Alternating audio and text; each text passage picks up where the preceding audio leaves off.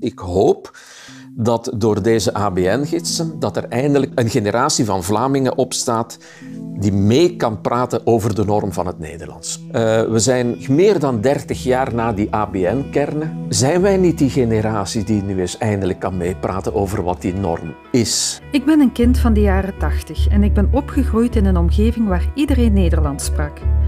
Met een lokaal accent en hier en daar een dialectwoord, maar het was Nederlands. Juffen en meesters corrigeerden die dialectwoorden wel, maar niet heel rigide. In het middelbaar had ik een leraar die ge en gij verouderd noemde en vond dat we je en jij moesten zeggen. Wij vonden dat raar. Hoe kon gij verouderd zijn als wij als tieners dat zelf voortdurend zeiden? Toen ik in de jaren 90 Nederlands studeerde, moest ik van honderden woorden leren dat er iets mis mee was en hoe het dan wel hoorde. Iets mis betekende bijna altijd niet bekend in Nederland. We studeerden ze net goed genoeg om te slagen voor het examen, maar we veranderden onze taal niet. Waarom ook? Er waren toch geen Nederlanders in de buurt, behalve op televisie en daar viel niet mee te praten. Achteraf bekeken was heel die periode een kantelpunt. Terwijl de oudere generatie de noordelijke norm propageerde, vond de jeugd de eigen taal prima zoals die was. Die jeugd is intussen volwassen geworden taal min of meer ook. In deze aflevering van Kinderen van het ABN ontdekken we hoe de verhouding tussen Vlaanderen en Nederland met betrekking tot taal op 20 jaar tijd veranderde en hoe de focus in Vlaanderen verschoof van beschaafd Nederlands naar Belgisch Nederlands. Dit is aflevering 3, van beschaafd naar Belgisch. Die stemproef die werd dan beoordeeld door Eugène de Berode, de toenmalige taalraadsman. Dit is voormalig radio- en televisiepresentatrice Jessie de. Ze heeft het over haar stemproef, ergens in de jaren 70. Ik kreeg dan de opmerking dat ik goed klonk, dat mijn uitspraak oké was, maar dat er nog wel wat kon gewerkt worden aan mijn manier van spreken, want die klonk als gehakt stro. En daarmee bedoelde hij dat ik het allemaal iets te netjes zei iets te nadrukkelijk ge, ja, geformuleerd. En dat het dus toch wat uh, vloeiender mocht zijn. Jessie de Kaluwe had nogthans de mosterd gehaald bij de juiste mensen. Fons Fraters, Annie van Avermaat, Joost Florquin en... Dokter Mark Galle. En dat was het laatste wat ik hoorde voor ik de bus opstapte naar de school. Ik, uh, ik, ik stak er elke, elke keer wel iets van op. En ik vond het wel fijn dat er, dat er zoiets op, uh, op de radio te horen was. Dus waarschijnlijk heb ik die willen kopiëren. En klonk het allemaal te netjes, ja. Toen Ruud Hendricks, de latere opvolger van Berode, in 1990 bij de BRT begon, merkte hij dat de beruchte blauwe brieven waarmee medewerkers gecorrigeerd werden, geen prioriteit meer waren. Omdat hij in de laatste jaren van zijn carrière uh, verschoven is van die pure opmerkingen over taalzuiverheid, om het zo te noemen, naar veel meer communicatie. Dus hij heeft die hele beweging ingezet naar, ja oké, er is zoiets als verzorgde taal, maar daar gaat het eigenlijk niet zozeer om.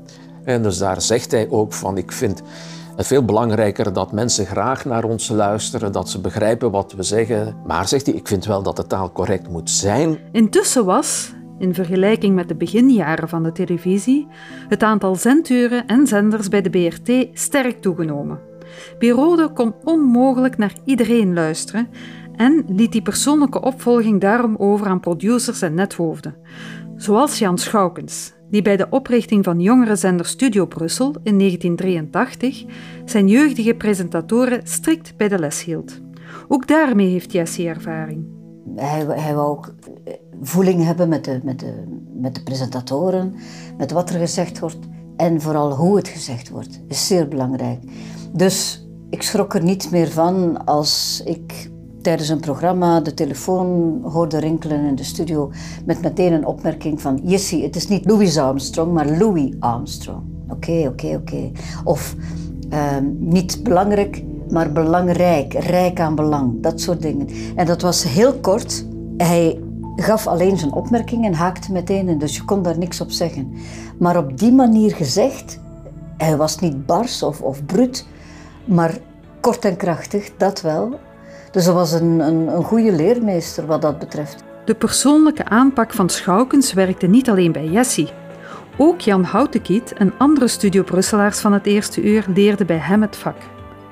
In 1989 kwam er in het medialandschap een kaper op de kust. VTM.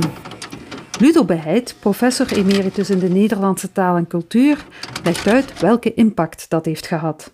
De komst van VTM werd aanvankelijk gezien als een cultuurnivellering. Zo werd het beschouwd. Want ja, wat gaat daar allemaal komen? De heilige openbare omroep wordt plotseling beconcurreerd door VTM, de eerste commerciële zender. Wat al meteen maakte, en dat is een tweede gevolg, dat het massale kijken naar de Nederlandse televisie heel snel daalde. Want men had een speelse, volkse, met veel entertainment zender in het Vlaams en men had daarnaast de openbare omroep. Waarom zouden we nog naar die Nederlandse televisie kijken? Je kreeg dus, uh, we gaan meer Vlaamse programma maken. En VTM heeft daar inderdaad, ja, ik zou zeggen, aan de, aan de weg gewerkt. Hè. Heeft daar eigenlijk uh, een breuk geslagen in die gedachte van televisie en media, dat moet exclusief in de standaardvariant. Ook voor praatprogramma's waar uh, tussenstaalvarianten meer hun plaats kunnen krijgen. Ook uh, dat je niet iemand uitsluit om een bijdrage te leveren in een discussie, omdat hij niet de standaardvariant gebruikt. Maar vergis je niet, bij de commerciële werd evengoed in taalzorg geïnvesteerd. Dan ben ik als coach gaan werken en dan hoofdzakelijk voor, voor, voor VTM. Maar ik heb dat ook nog gedaan voor VT4 en voor, voor een aantal radiozenders. En, ja. Jan Schoukens die, die werkte vooral voor de mensen van de nieuwsdienst op VTM. En, dus, ja. en ik alles daarnaast. De BRT speelde een groot deel van zijn publiek kwijt aan VTM. En de Nederlandse zenders verloren hun Vlaamse kijkers. Daarom sloegen de Vlaamse en Nederlandse openbare omroep eind jaren 80 de handen in elkaar. Ze gingen samen enkele programma's maken, waaronder een taalprogramma. In het voorjaar van 1990 kwam Tien voor Taal voor het eerst op de buis. Journalist en taaladviseur bij de Standaard, Ludo Permentier, vertelt over zijn deelname aan de proefuitzending. De redactie van de Standaard kreeg het verzoek om uh, mee te werken aan een soort proefuitzending. Uh, en dat zou tegen de Volkskrant zijn. En de hoofdredacteur was dus op zoek naar drie mensen die dat uh, zouden moeten doen. Het is maar om te kijken hoe het, hoe het spel werkt en zo. maar, zei hij erbij, tegen de Volkskrant willen we toch niet onderuit gaan ook. Oké, ik was een van die drie die aangespoord werden om, om dat te doen. Dat was met Robert Long nog als presentator. En wij hebben dat met vlag en wimpel gewonnen. Een heerlijke overwinning. Wij kwamen daaraan als uh, de underdogs, want uh, als er uh, vragen waren over hoe moeten we dit zeggen? Wat is de juiste benaming daarvoor? Dan keken wij naar de Volkskrant. Uh, en hoe doen ze dat bij de Volkskrant? Ah, daar zeggen ze dat, oh, oké, dan moeten we dat ook zo doen. Dus wij keken daar uh, tegenop en, en uh, wij wonnen dat. Het was heel grappig. Zeker de eerste jaren wilden de Vlaamse ploegen zichzelf heel graag bewijzen tegenover hun Nederlandse collega's. En die competitiegeest is nooit echt weggegaan. Vanaf 1991 kreeg het brede publiek zijn kans bij het groot dicté der Nederlandse taal. Dat idee is door uh, Philip Freriks naar Nederland uh, gebracht en dat heette het Nationaal Dicté. En een van de collega's van de Standaard, die was daar naartoe gegaan om daar verslag over uit te brengen. En die kwam dus de dag daarna op de redactie en die zei, ze gaan dat elk jaar doen. En wij moeten daarbij zijn. We moeten ervoor zorgen dat Vlamingen daar ook welkom zijn om te komen meespelen. Die zei, eh, de Volkskrant organiseert dat in Nederland, waarom de standaard daar niet aan mee en wordt ze mede-organisator. En dat is ook zo gebeurd. Vanaf het tweede jaar veranderde die naam in het Groot Dicté der Nederlandse Taal en werd dat georganiseerd door de Volkskrant, de Standaard, de Nederlandse uh, omroep die nu NPO heet en de VRT die toen waarschijnlijk nog BRT heette of BRTN. Ook bij het groot dicté bestond aan Vlaamse kant dat David versus Goliath gevoel. De bescheiden Vlamingen die zich gaan meten met de mondige, zelfzekere Nederlanders.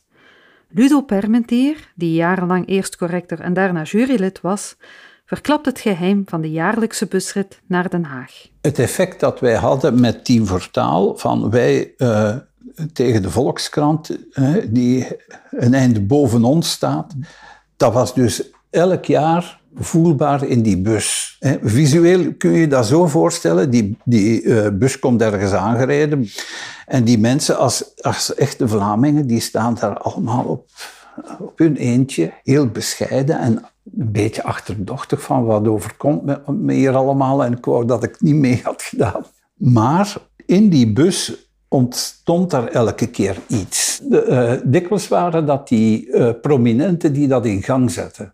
Die grepen de microfoon en die zei, kijk, ik ga hier woordjes dicteren, want ik heb een lijst met moeilijke woorden. Hè. Die begonnen dat te dicteren. En dan werd er geroepen, hey, nee, nee, dat kan niet. Dat, is, hey, dat accent, je bent dat accent vergeten. Ja. En dat was ambiance. Op den duur was, was dat een, een ploeg die de mentaliteit had van we gaan die Hollanders op hun bakken schrijven. En die kwamen daar aan in, in Den Haag. Die bus stopte op Binnenhof. Die kwamen eruit. En dat was een ploeg. Terwijl die Nederlanders, die kwamen daar allemaal veel met de fiets natuurlijk, op dat binnenhof als individuen en die kwamen binnen en wij, die Vlamingen die stonden al een stap verder. Die mensen die wilden niet persoonlijk winnen, die wilden natuurlijk niet afgaan, maar die wilden vooral dat er een van hen won. Na een tijdje werden ook de Vlamingen mondiger. En ze begonnen te klagen. Bijvoorbeeld dat Frederiks te Hollands was, moeilijk te verstaan. In 2005 werd dat opgelost. Martien Tange was jurylid en die is toen gevraagd, na lang aandringen van de Vlamingen, van het moet toch wel iets Vlaamser worden, hebben ze aan uh, Martien gevraagd om dat mee te presenteren. Kakofonie, zin 1. De tijden zijn in zoverre interessant dat ze kakofonisch zijn. Je moet bij wijlen je oren dichtstoppen tegen het ten hemel schrijende gebla-bla van de muezzins van de eeuwige vergelding in het ene oor en dat van de Filistijnen van het geperoxideerde ressentiment in het andere. En nu in stukjes. De tijden zijn Uiteindelijk waren er 17 Vlaamse en 12 Nederlandse winnaars bij het Groot Dicté. Naast het dicté was ook tien voor taal jarenlang erg populair. De Vlamingen ontdekten dat ze niet onder hoefden te doen voor de Nederlanders en dat hun Nederlands er ook mocht zijn. Bij de BRT had Berode de deur al eerder opengezet voor die Belgische variant van het Nederlands, laat Ruud Hendricks weten. Berode zei ook, natuurlijk mag je horen dat een Vlaming aan het woord is. Dan had hij het over de uitspraak. Hij zei, natuurlijk eh, moet er ruimte zijn voor uitdrukkingen die Vlamingen gebruiken en die verschillen van die in Nederland. Natuurlijk moet er ruimte zijn voor institutionele termen zoals rijkswacht. En die ruimte breidde Ruud Hendricks later uit. Huistuin- en keukenwoorden die behoren tot de taal eigen van de Vlamingen, woorden die in Nederland niet bekend zijn en daar is niks mis En dus stond in het taalcharter 1998... De VRT wil de norm voor de Belgische variant van de Nederlandse standaardtaal zijn en blijven. Hij hanteert daarom een aantrekkelijke, duidelijke en correcte standaardtaal die rekening houdt met en afgestemd is op de kijkers en de luisteraars. Maar zoals dat gaat, zorgde de formulering Belgische variant van de Nederlandse standaardtaal voor wat beroering in politieke kringen. Dat is toen gepercipieerd als van de VRT introduceert eigenlijk kromme taal vanaf nu. Dus er zijn parlementaire vragen over gesteld, waarin dus echt letterlijk in het parlement werd gezegd van waar haalt de VRT het lef vandaan of het recht vandaan om een afwijkend Nederlands te introduceren in Vlaanderen, terwijl decretaal het de Nederlandse standaardtaal de taal van Vlaanderen is. Toch was op dat moment het begrip Belgische variant niet zo vreemd. In heel Europa kwam er op het einde van de 20e eeuw aandacht voor taalvariatie in de verschillende standaardtalen. Het begon bij de taalwetenschappers en sijpelde daarna door naar het taalbeleid. In de lage landen moet je voor beleid bij de Nederlandse Taalunie zijn, de Vlaams-Nederlandse organisatie die in 1980 werd opgericht om beleid rond het Nederlands in Nederland en Vlaanderen te ontwikkelen. Om dat te doen werden er raden, werkgroepen en commissies opgericht. Voor het onderwijs, voor grammatica, voor spelling en uiteindelijk ook voor taaladviezen. Zo vertelt taaladviseur Stef Kroon van de Taaltelefoon. Dat was een, uh, een project begonnen in de vroege jaren 90. Een Vlaams-Nederlandse samenwerking van uh, taalkundigen en taaladviseurs. De bedoeling was om al die taaladviezen toch een beetje op dezelfde lijn te krijgen. Daar zaten Nederlanders in, daar zaten Vlamingen in. En die, uh, dat was dus een CD-ROM geworden met een heleboel taaladviezen. Maar die was echt gericht op taaladviseurs en taalkundigen. Je merkte dat ook aan de woordkeuze, de vaktermen en zo. Met die CD-ROM was er meteen een probleem. Roos de Bruin, taaladviseur van het genootschap Onze Taal, legt uit. De techniek haalde eigenlijk dat idee in hè, om CD-ROMs uit te brengen. Er is er in ieder geval wel één uitgebracht in 1999, dat weet ik nog wel. Uh, en daarna weet ik het eerlijk gezegd niet, niet uh, of, of er nog meer CD-ROMs zijn gekomen. Maar ja, al gauw ontstond het idee van nee, het moeten helemaal geen CD-ROMs worden, het moet gewoon een website worden. En uh, dat idee, ja, daar is de Taalunie vanaf 2001 ongeveer aan gaan werken. En dat gebeurde in samenwerking met de gloednieuwe taaltelefoon. Een dienst aan de burger die de Vlaamse overheid in 1999 had opgericht. Goedemorgen, taaltelefoon met Stef Kroon. Het plan werd opgevat om die adviezen van de CD-ROM te herwerken tot een website voor een groter publiek. Dus die moest een beetje herwerkt worden. Er moesten vaktermen uitgehaald worden, het moest eenvoudiger gemaakt worden. Het moest vooral aangevuld worden. Al snel doken er problemen op tijdens dat aanvullen en herwerken. De adviezen op de CD-ROM en de labels die erop werden gebruikt, die waren toch nog sterk Noord-Nederlands gericht, nog steeds. De, de definitie van wat algemeen Nederlands was, daarin was er weinig nuance voor, of weinig ruimte voor Belgisch-Nederlands. Dat werd toch al snel weggezet als een lexicale eigenaardigheid. Zo zonder veel nuance. Zoals dat toen was. Hè. Ik bedoel, uh, iets als Zuid-Nederlands of Belgisch-Nederlands, ja, dat, dat volstond al. Dat, daar hing een luchtje aan. Genuanceerde adviezen schrijven met aandacht voor variatie is onmogelijk als de terminologie gericht is op één norm. Ik weet nog dat ik toen een advies moest schrijven over de kwestie luid op hardop. En dat is voor mij echt een soort kantelpunt geweest, omdat ik, ik vond niet dat ik dat advies kon schrijven met behulp van de labels die we toen gebruikten. Dus daar ging heel veel nuance verloren. Terwijl ik vond dat met luidop er eigenlijk niet zo heel veel aan de hand was. Misschien werd dat wel vaker gebruikt in België dan in Nederland. Maar er is geen probleem voor de verstaanbaarheid. Dat is een perfect duidelijk woord. Er zijn geen misverstanden mogelijk. Uh, morfologisch is daar weinig op aan te merken. Maar ja, door die labels die we toen hadden, ja, kwam het er toch uit alsof het eigenlijk de facto werd afgekeurd. En dat hebben we toen aangekaart. En uh, ja, het taaladviesoverleg had daar wel oren naar. Zei van ja, inderdaad, misschien moeten we dat toch wel eens bekijken. Een van de leden van het taaladviesoverleg is een oude bekende, Ruud Hendricks. Nu, op een bepaald moment zijn we daar met z'n drieën, een, een nieuwe generatie taaladviseurs, terechtgekomen. En je, we kwamen daar in een, inderdaad nog in een context waarin de norm vooral in het noorden lag. Maar je voelde ook wel dat dat dat iets was wat de Vlamingen vooral wilden. Dat die Nederlanders zeiden van, maar waarom? Waarom eigenlijk? En intussen vroegen niet alleen de Nederlanders zich dat af. Wij waren toen nog al dertigers, bijna veertigers. Maar door contacten met studenten wisten wij ook allemaal, dit leeft niet meer, dit krijg je niet meer verkocht. Dus die jongeren die zeiden allemaal, ja, maar dit, dit is ook onze taal en wij zeggen dat zo. En wij beseffen, ja, Nederlanders zeggen dat anders, so what? En wij dachten van, kijk, je kunt onmogelijk die manier van denken van de jaren 60, waar we een heleboel mensen mee groot geworden waren, want de, de norm zit in het noorden.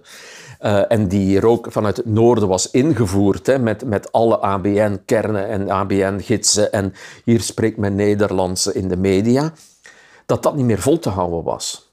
En toen is er in de schoot van uh, het taaladviesoverleg een soort uh, kleine werkgroep opgericht, labelherziening heette dat, uh, om eens te kijken naar die labels die we gebruikten om dus lexicale kwesties te beoordelen en om dat eventueel toch eens aan te passen.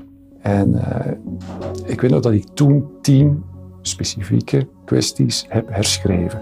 Het ging over wandelen, sturen, verveeld zitten met, uh, luid op, hardop was er dan ook bij, een stuk of tien van die kwesties. En met suggesties dan, of een voorstel voor uh, nieuwe labels. En uiteindelijk is dan een hele nieuwe aanpak en methodiek daaruit voortgekomen. Wat we geprobeerd hebben in die taaladvisering, dat is exact beschrijven wat de situatie is. En dus geen oordeel meer vaak, maar proberen zo zakelijk mogelijk te noteren waar komt zo'n variant voor, geografisch, maar ook in, qua register. En de gebruiker moet daar zelf zijn conclusie uittrekken wanneer gebruik ik het. Die nieuwe methodiek was ook alleen maar mogelijk dankzij de technologische vernieuwingen van die periode. Digitale tekstcorpora en databanken en het internet. Dus uh, waar het eerder in de jaren 90 en vroeger toch veel meer beperkt was eigenlijk tot wat staat er in de naslagwerken. Hè? Wat zegt de taaladviesliteratuur hier nu over? En dat, zo kreeg je van die tradities, hè, die, dat werd maar overgeleverd. Maar toen, eind jaren 90, begin, dus rond de eeuwwisseling, ja, je kon toch al meer, uh, het was begin van het internet en zo, hè, je kon al meer onderzoek zelf gaan verrichten. En je merkte dat dat helemaal begon te kantelen. Hè. Dus we gingen ook andere dingen onderzoeken en rekening houden met andere dingen. Wat is de geografische spreiding? Hoe zit het daarmee? Uh, is er stilistische variatie? Is de betekenis duidelijk? En heel belangrijk, wat is de attitude van de taalgebruiker tegenover zo'n woord? Een van de leden van de werkgroep Labelherziening, Walter Hazerijn, zat op dat moment ook in de Raad voor de Nederlandse Taal en Letteren van de Nederlandse Taalunie. En rond dezelfde tijd waren die bezig met een soort beleidsadvies. Eenheid in verscheidenheid heette dat, wat in 2003 dan verschenen is.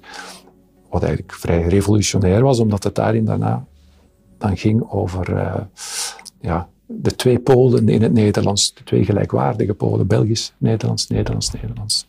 Dus dat ging echt wel in de lucht zo. Dat was echt een omslag die toen echt gemaakt is, begin de jaren 2000. Ja. VRT had het over het Belgische Nederlands. De Nederlandse taalunie kwam met nieuwe criteria en twee standaardtaalvariëteiten. Wat deed Van Dalen toch het toonaangevende naslagwerk voor de Nederlandse woordenschat? Wel, in de jaren 90 kreeg ik als student Nederlandse taalkunde van professor Guido Geerts, toen de Vlaamse hoofdredacteur van Van Dalen. Geerts was sterk op Nederland gericht en dat hadden wij als studenten geweten. Het was Ton den Boon, de Nederlandse hoofdredacteur van Van Dalen, ook opgevallen. Guido las de NRC. En ik dacht van, uh, moet iemand ook niet de standaard lezen? Op een bepaald moment ben ik de standaard gaan lezen, nog een tijdje de morgen. Want mij vielen dan natuurlijk die vreemde taalvormen. Voor mij waren het vreemde taalvormen. En het was voor, voor mij heel nuttig ook om die Vlaamse kranten te gaan lezen. Omdat ik daar ook weer suggesties uit haalde. Die suggesties speelde ik dan trouwens wel weer gewoon door aan de, uh, eerst aan Guido en later aan de Vlaamse uh, redacteur, dus Dirk Gerards. In 1995 nam professor Dirk Gerards, ook van de KU Leuven, het stokje over van zijn collega Guido Geerts. Dirk Gerards specialiseerde zich in het beschrijven van de nationale taalvariatie in het Nederlands. En op basis van dat onderzoek werkte hij een nieuw labelsysteem uit voor Vandalen. We hadden de labels die, uh, die we geërfd hadden uit de jaren 70.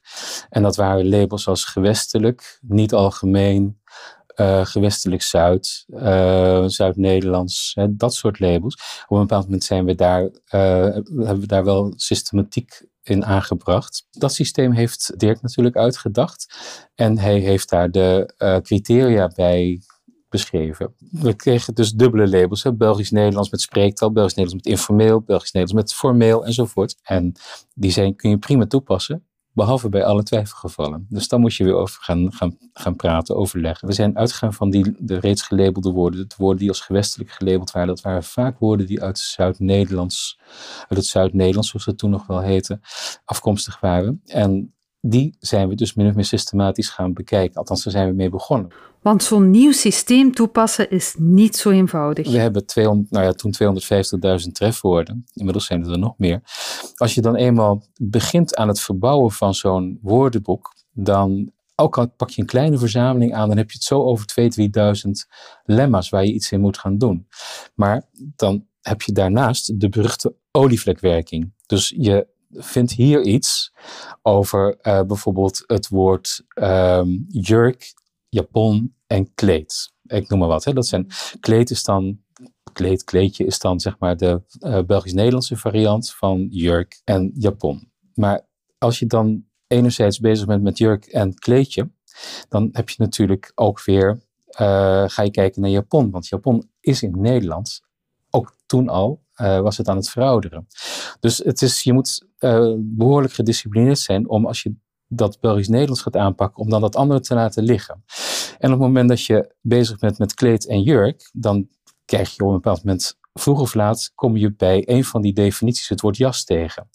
En jas, dan kom je weer bij een herenjas, dan kom je bij een mantel uit. Kijk, dat is die olievlekwerking. En dat betekent dus dat als je eenmaal begint aan zo'n bewerking, dan moet je daar jaren vaak voor uittrekken. Meer evenwicht in Vandalen brengen, dat betekent niet alleen labels Zuid-Nederlands of gewestelijk, vervangen door een BE-label.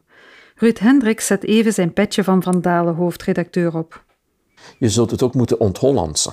Want een heleboel dingen, vooral in de beschrijvingen dan, waren puur Hollands. Vanuit een Nederlandse bril bekeken. Ja, als je ging opzoeken vroeger wat de nationale feestdag was, dan stond daar niet bij 21 juli of 11 juli voor de Vlamingen, 21 juli voor de Belgen, stond alleen de Nederlandse feestdag. Eh, Koningsdag, Koninginnedag eh, was dat dan. Eh, of Bevrijdingsdag, of zoiets. Maar in elk geval geen spoor bij Nationale Feestdag van 21 juli. En natuurlijk moeten er ook nieuwe labels komen. Als je het wilt onthollandsen, dan betekent dan ook dat je het signaal moet geven dit is typisch Hollands wat er hier staat. En zo zijn we ertoe gekomen om ook die typisch Nederlandse woorden een label te geven, namelijk NL. Dus de regionale beperking erbij te zetten. BE-labels toevoegen was al een hele karwei, maar het was kinderspel in vergelijking met het toekennen van NL-labels. Gelukkig kan dat ook systematisch aangepakt worden. Inhoudelijk heel vaak hebben we ook gewoon gezocht op het woord bij ons of onze. Heel vaak kwam je zo uit bij typisch Nederlandse dingen. Dat was die blik vanuit het noorden. Kijk, van bij ons, dat was meestal in Nederland. En op die manier kon je ook een heleboel dingen vinden die heel typisch waren voor Nederland en in België niet voorkwamen, die een label kon geven. Vaak een heleboel informele woorden ook. Als er volkstaal bij stond, was vaak Nederlands informeel Nederlands. Als erbij stond Bargoens, dat is eigenlijk puur Amsterdams. De dieventaal van Amsterdam kun je labelen als Nederlands-Nederlands. En op die manier hebben we toch geprobeerd om op een systematisch, iets systematischere manier duizenden woorden ook een, een label NL te kunnen geven. En er is nog iets waar woordenboekmakers mee te maken krijgen: taalevolutie. Soms merken dat we het label moeten weghalen bij de twee. Dus niet alleen dat wij hier in Vlaanderen de als typisch Nederlands gelabelde woorden ook beginnen te kennen, maar omgekeerd ook. Denk aan het woord flik voor politieagent. Op een bepaald moment krijgt zo'n woord ook in het, in het Noord-Nederlands diezelfde betekenis. En dan kun je je afvragen, is dat label Belgisch-Nederlands nog wel correct? Of moet je er dan bij zetten, voornamelijk, hè, moet er dan een, een, een attribuut aan worden toegevoegd, wordt is het dan voornamelijk Belgisch-Nederlands? En dat, dat geldt ook voor andere woorden. Een woord als goesting, dat is typisch Belgisch, maar wij kennen in Nederland dat woord ook allemaal. We beheersen het passief. En je ziet het ook nog zo nu en dan wel vaak met een, in een bepaald stijlregister wordt het ook in Noord-Nederland wel weer gebruikt. Vaak als een soort citaat, maar net niet helemaal. Alweer twintig jaar geleden heeft de Nederlandse Taalunie de nationale variatie in de standaardtaal erkend. Voor Vlaanderen betekent dit de erkenning dat hun Nederlands even goed is als dat van de Noorderburen. Maar betekent dit hetzelfde voor Nederland?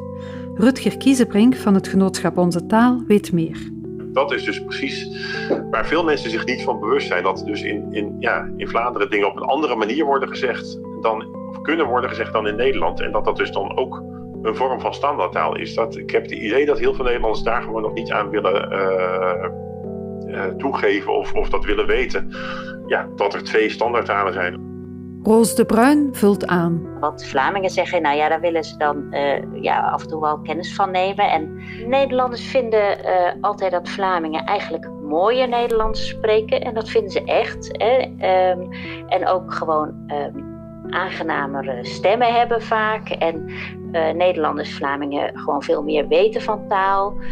veel beter dictées kunnen schrijven. Dus, dus de, de VRT nieuwslezerstaal, hè, zoals Martine Tange vroeger, dat, dat wordt echt heel erg hoog gewaardeerd. Joop van der Horst, professor emeritus Nederlandse taalkunde, legt uit waar Nederlanders hun norm vandaan halen. Of iets goed Nederlands is of niet goed Nederlands, dat zoek je niet in een woordenboek op. Dat, ja, dat, dat weet je, ja, dat weet je door, door de krant die je leest, door de mensen die je spreekt.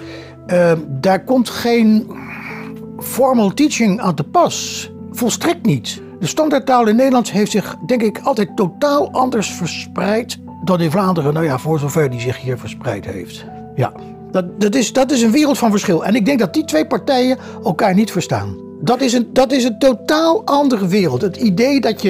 Ik, ik, ik, heb, ik heb woordenboeken, maar als ik iets schrijf, ik zoek het niet op in het woordenboek. Hè?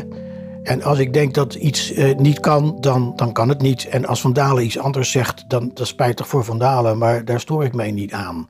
Nee, maar je weet het, je weet het door te luisteren naar de radio, naar de televisie natuurlijk vooral. Tegenwoordig ook wel een beetje internet, maar vooral radio, televisie, krant, kwaliteitskrant. En dan weet je hoe het zit. Niet bewust hoor, dat gaat heel onbewust. En daar schuurt er wat. Nederland en Vlaanderen verschillen in taal en norm.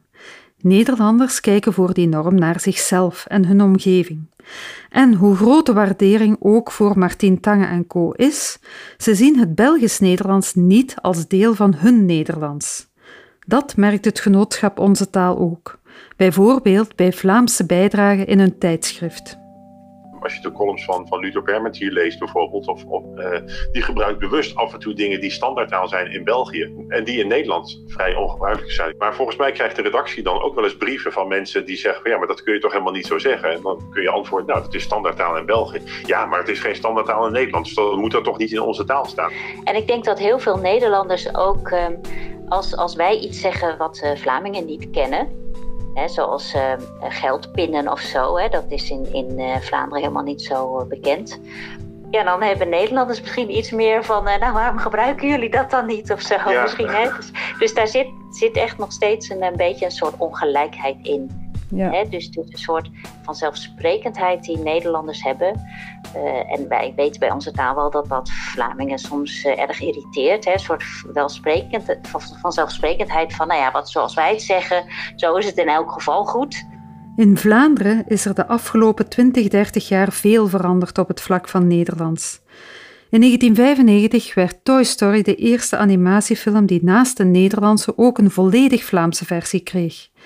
Er kwamen ook een popbands die in het Nederlands zingen, zoals Clouseau, De Kreuners, Gorky, Noordkaap en De Mens. En buitenlandse musicalartiesten die in Vlaanderen optreden, moeten hun accent aanpassen. Jessie de Kaluwe heeft zo tal van Nederlandse artiesten begeleid. Dat waren hoofdzakelijk Joop van den Ende producties. En die kwam, kwamen dus uit Nederland. Maar nadien kwamen die naar hier, naar Vlaanderen. De Nederlanders hadden hun Nederlands accent en dat moest vervlaamst worden. Omdat zij spreken dezelfde taal, maar op een totaal andere manier spreken ze die uit. Daar gaan ze zeggen van um, het kleine vogeltje vloog over de bomen heen. Wij zeggen het kleine vogeltje vloog over de bomen heen.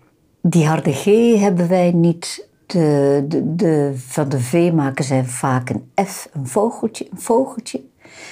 De O hebben wij ook niet. Wij zeggen rood.